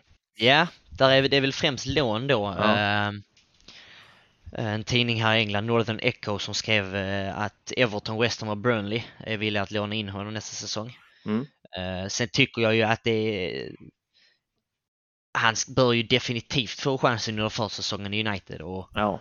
och jag tror ju absolut att det kan vara en nyttig truppspelare både på högerytter men kanske även bakom en anfallare. För det är lite, han har ju lirat lite både och i Sunderland vad jag har, ja, vad har sett. Ja, precis. Han har spelat falsk nia i Sunderland uh, till och med. Alltså, så han spelat yeah. längst fram och, och agerat någon form av typ falsk nia. Det var ju så han, det var väl typ i den positionen han gjorde mål i Champions League. Uh, ja, han nicken mot Milan tänker Ja, precis. Ja. Nej, så... Uh, så det är egentligen bara lån som det ryktas om där, men jag hoppas att United verkligen ger han en riktig chans innan man skickar ut honom på lån igen. Ja. För jag tror absolut att han håller Premier League-kvalitet.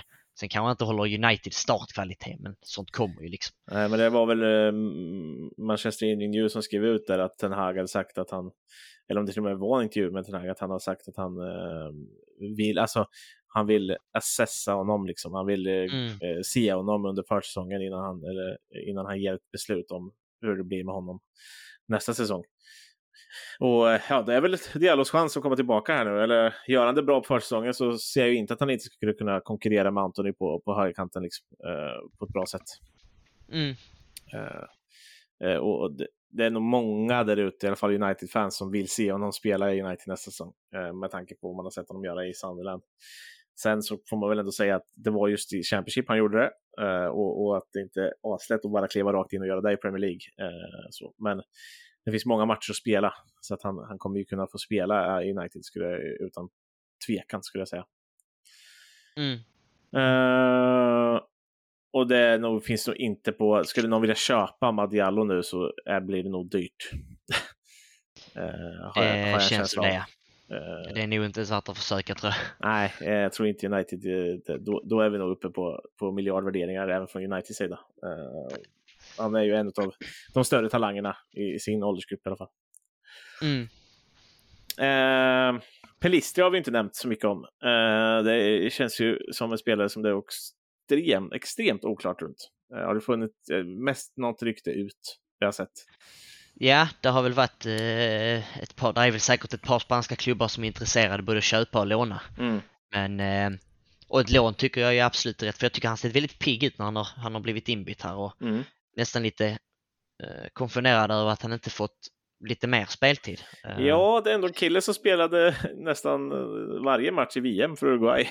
Ja, exakt. Och, och han har gjort, ja, som jag sa, gjort det piggt under inhoppen och ändå bidragit med energi och kunnat göra sin gubbe och, mm. och så här. Så att eh, ett lån är väl kanske mest rimligt för honom, speciellt nu när man får tillbaka Ahmad också, om han nu ska integreras i truppen. Mm. Men jag tycker absolut inte man ska sälja Plistri. Jag eh, tycker han har ändå en höjd i sig som, som eh, användbar i framtiden. Ja, och in då har ju ändå funnits. Det kom väl något jävla B-rykte igår typ om eh, eh, Leverkusens eh, debut. Ja, precis. Det har väl varit lite löst om att om att man tittar på en ytter. Ja, vilket är så jävla märkligt. Jag fattar ingenting. Men det måste ju betyda i så fall att Marcus Rashford ses som en nia.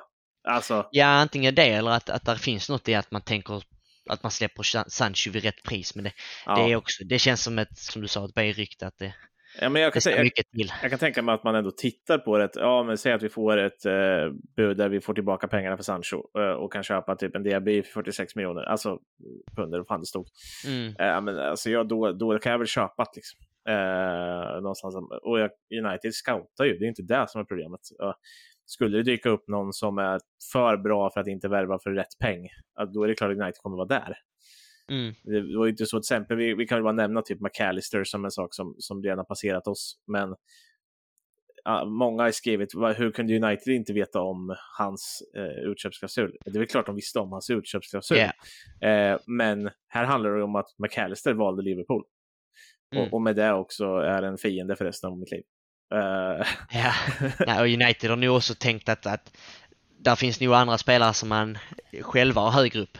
Ja, absolut. Men jag tror att, och så har man inte för... velat gå ut och punga ut liksom direkt innan fönstret ens öppnar. Nej, eh, och, och, han har ju uppenbarligen inte valt United heller. Alltså, så, så att, eh, hade mm. han begärt gå till United väldigt mycket så hade nog United kanske kunnat tänkt sig att värva honom. Eh, för det mm. var ju inte jättedyrt. Alltså var det 35 eller någonting sånt där? Eh. Ja, det var ju ett väldigt billigt pris, men eh, jag vet inte, jag, jag, ja, jag tycker han har gjort det bra, men Nej, jag tror inte heller att det är rätt spelare för United, men, men alltså, många har varit lite irriterade på det där och mest att jag ville benämna det. Ja. Och det handlar mm. ju inte om att man inte vet om det. Chelsea visste också om det. Alla de här lagen liksom högre upp vet, har ju vetat ja. om det.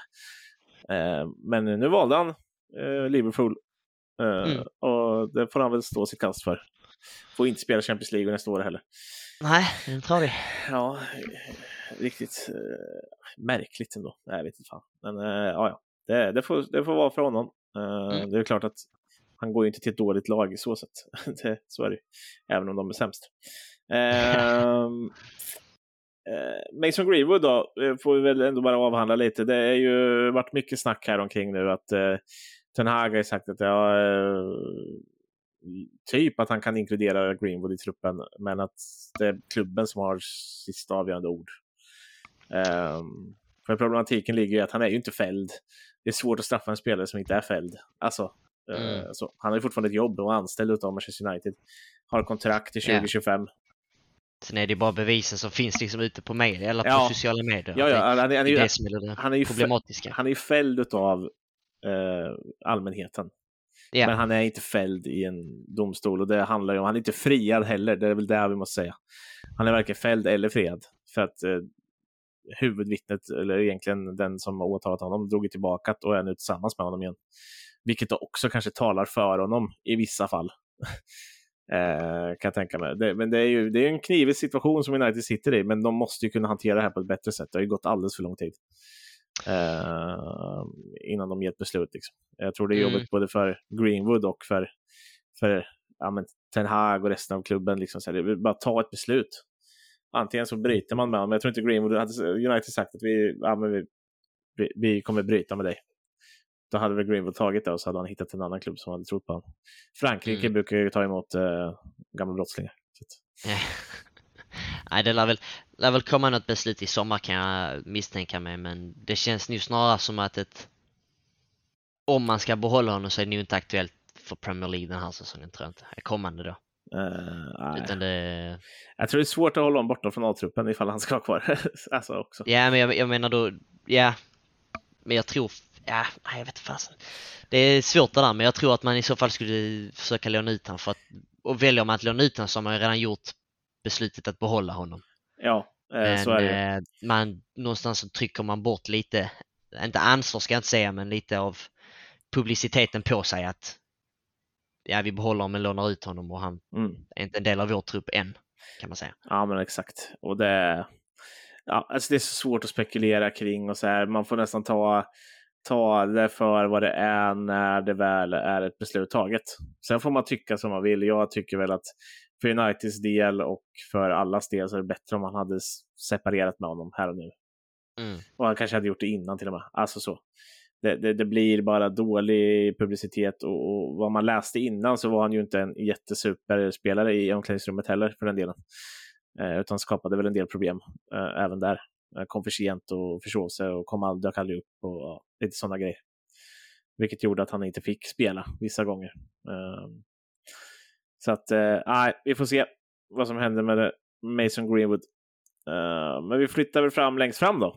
Uh, där sitter vi med två spelare som båda borde försvinna åt helvete, känner jag just nu. vi har Anthony Martial och Wout Weghorst. Mm. bra villkorligt lån som kommer gå ut och vi kommer inte förlängat. Hoppas jag. För guds skull. Uh, och Antoni Martial har ju bara ett år kvar. Uh, vi kommer inte kunna få ut jättemycket pengar. Men vi kan fan inte förlänga det heller. Alltså, Antingen, Nej, det går inte. Antingen sitter han ut kontraktet, men, men någon borde vi kunna plocka upp honom för en spottstyver, eller om vi ger bort honom till någon. Ja, man, man tänker det. Sen är det ju också vilken klubb skulle vilja liksom jag tror, hade, jag tror det hade blivit pissepengar i slutändan som vi hade sålt honom för. för att mm. Han är aldrig tillgänglig. Det är ju två, tre matcher, sen han skadad två, tre veckor. Så är det fem matcher, sen han skadad en och en halv månad. Så att det är ju Alltså jag tror inte det är någon klubb som liksom hade velat betala 20-25 miljoner pund för honom egentligen. Nej, inte så mycket och det är bara ett år kvar. Alltså jag ska tro man kan vara glad om man får 10-15 alltså. Mm. Men det är också som, det är bara rycka plåstret liksom. Det och sälja innan det är för sent. Ja men det är tråkigt, alltså man, man har sett så många gånger vad han har i sig men, men mm. det är alldeles för få gånger som man ser det. Uh, och det är, ja, nej tråkigt men uh, man får bara köpa det. Ja.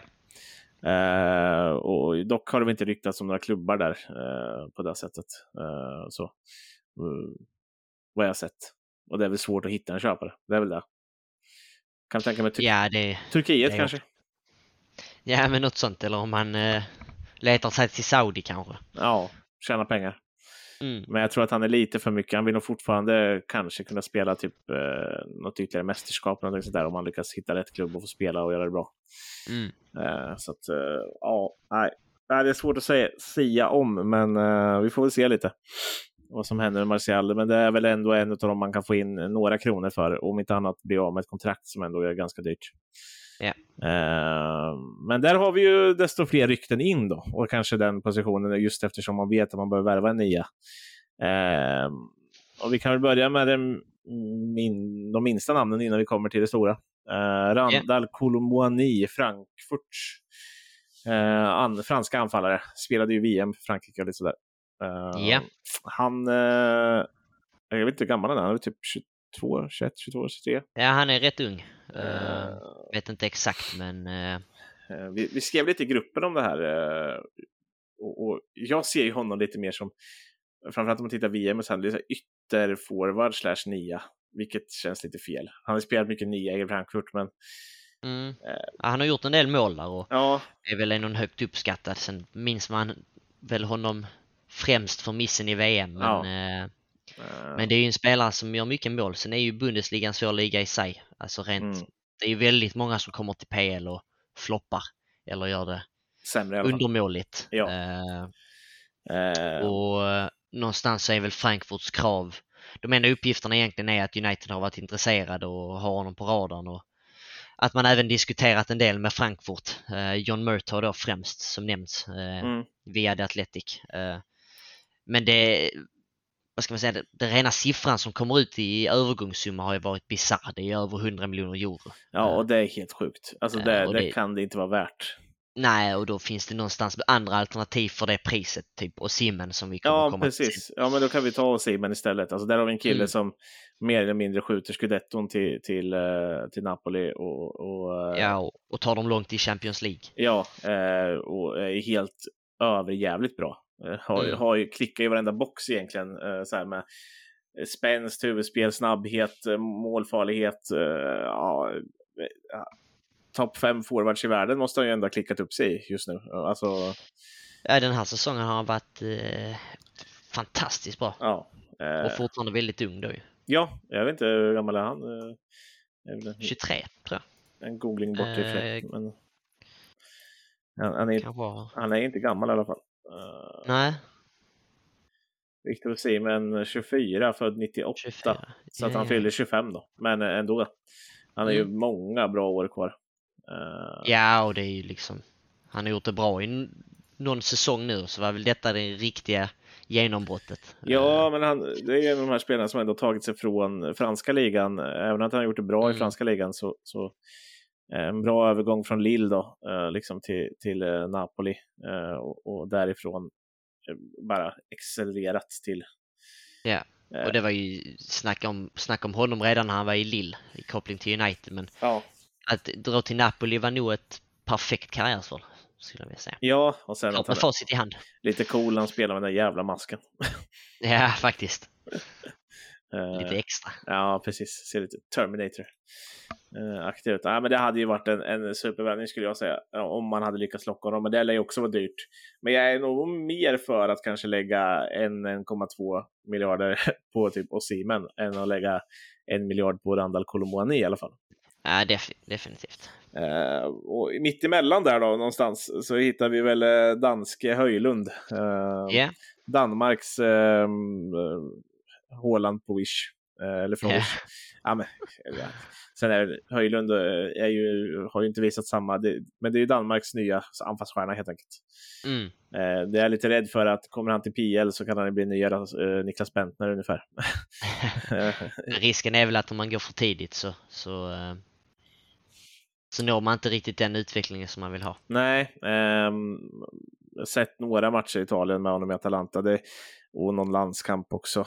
Det, det, det är ju en spelare som är duktig i och kring boxen att eh, vilja göra mål.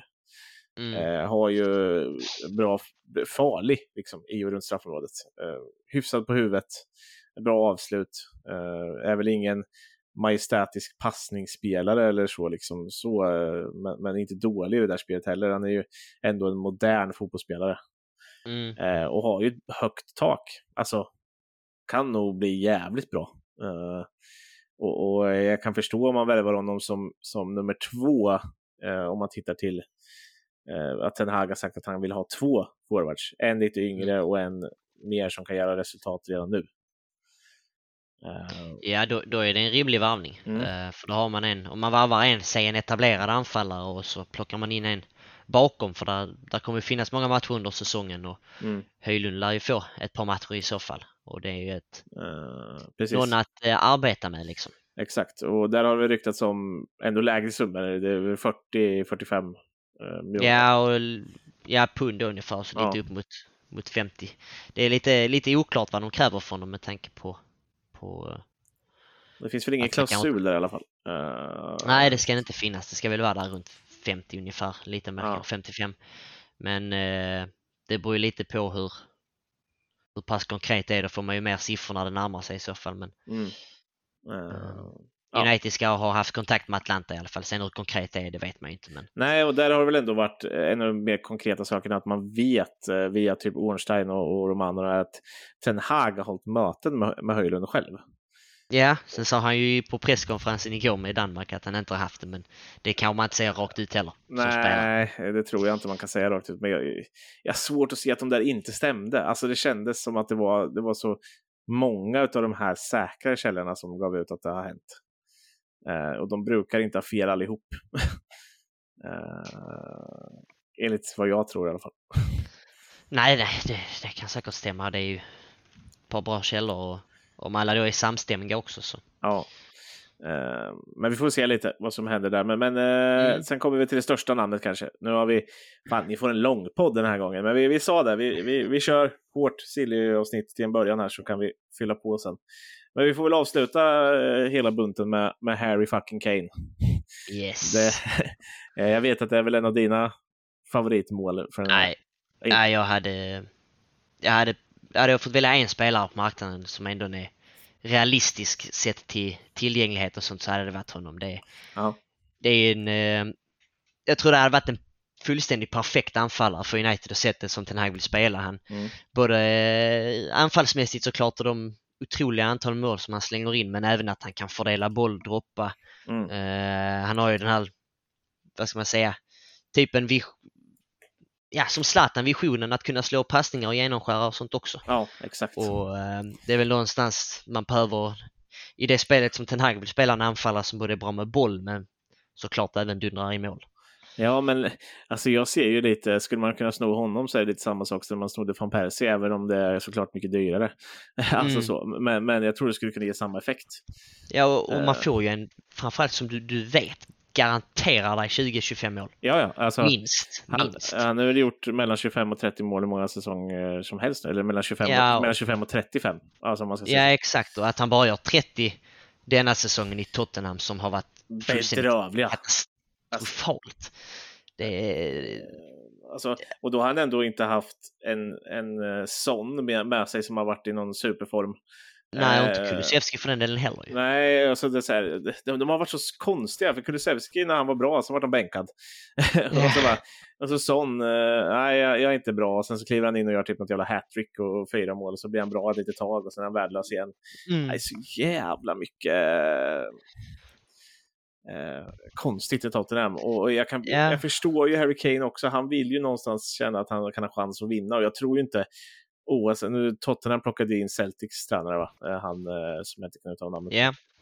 Yeah. ja, nu, det är grekiskt namn, jag tror inte ens vi ska försöka uttala. Nej, eh, och jag ser ju inte att de kommer vara så mycket bättre nästa säsong.